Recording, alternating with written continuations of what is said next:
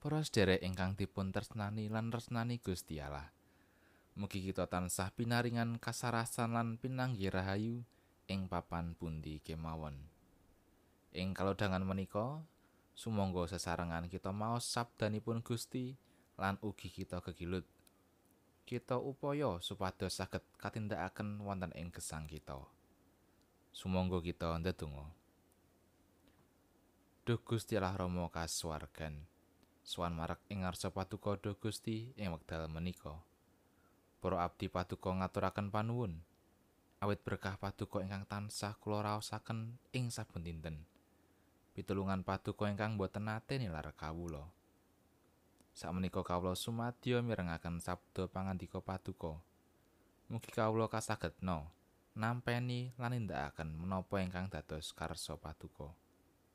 kawula ngrumaosi minangka tiyang dosa dereng saged ngestokaken dawuh timbalan paduka kanthi sampurna mugi Gusti karsa paring pangaksama matur nuwun Gusti haleluya amin Para sederek wawasan dinten menika kapendet saking Lukas bab pitu ayat 11 ngantos pitulas. Injil Lukas bab pitu ayatipun 11 ngantos pitulas. Sumangga kita waos sesarengan. Anak rondo ing Nain kauripake.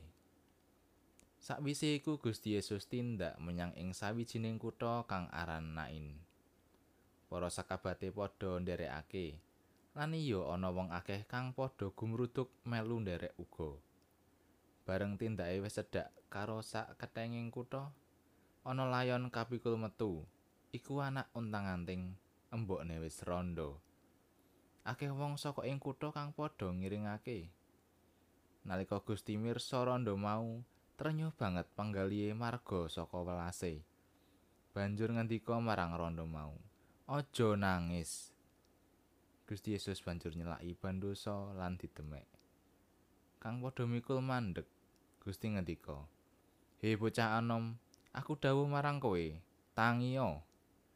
kang mati tumuli jengglek linggih lan wiwit guneman banjur dipasrahake marang mbokne kabeh wong padha wedi lan banjur padha ngluhurake Gusti Allah pangucape ana nabi agung kang jumeneng ing tengah-tengah kita sarta Gusti Allah wis nuweni umate pawarta bab Gusti Yesus iku banjur sumebar ing satanah Yudea lan ing tanah-tanah sakiwa tengene kabeh Mekaten pangandikanipun Gusti.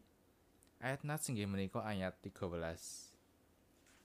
Nalika Gusti mirsa rondo mau, trenyuh banget penggalihe marga saka welase. Banjur ngandika marang rondo mau, "Aja nangis." Para sederek renungan kaparingan ira-iraan kalandhesana kawalasan. Tilar donya mesti nukulaken raos kecalan ingkang lebet. Menapa malih ingkang tilar donya menika tiyang ingkang sanget dipuntresnani. Lare untang-anting utawi ingkang dados saka gurunipun brayat. Wah raosipun temtu ngrantes sanget. Tiyang ingkang sampun tilar donya menika mboten wonten gantosipun. Kados gesang menika tanpa gino lan sedaya dados peteng. Kirang langkung inggih mekaten menika ingkang rinaosaken dening rondo ing Nain nalika semanten. Gesang minangka rondo nalika semanten sampun awrat lan samangke lare jalur untang-anting ingkang dipun gadang-gadang saged njejekaken kawontenaning brayat malah tilar donya. Gusti Yesus ingkang rawuh ing kitha Nain lan pirsa menapa ingkang nembe karaosaken rondo menika tuwuh raos sih piwelasipun. Mila Gusti Yesus ngendhek tiyang kathah ingkang saweg mikul layon. Gusti Yesus tumunten kersa nanging lare menika saking pepesten pejahipun. Nindakaken kasaenan dhateng tiang sanes menika setunggaling lelampahan gesang ingkang mulya.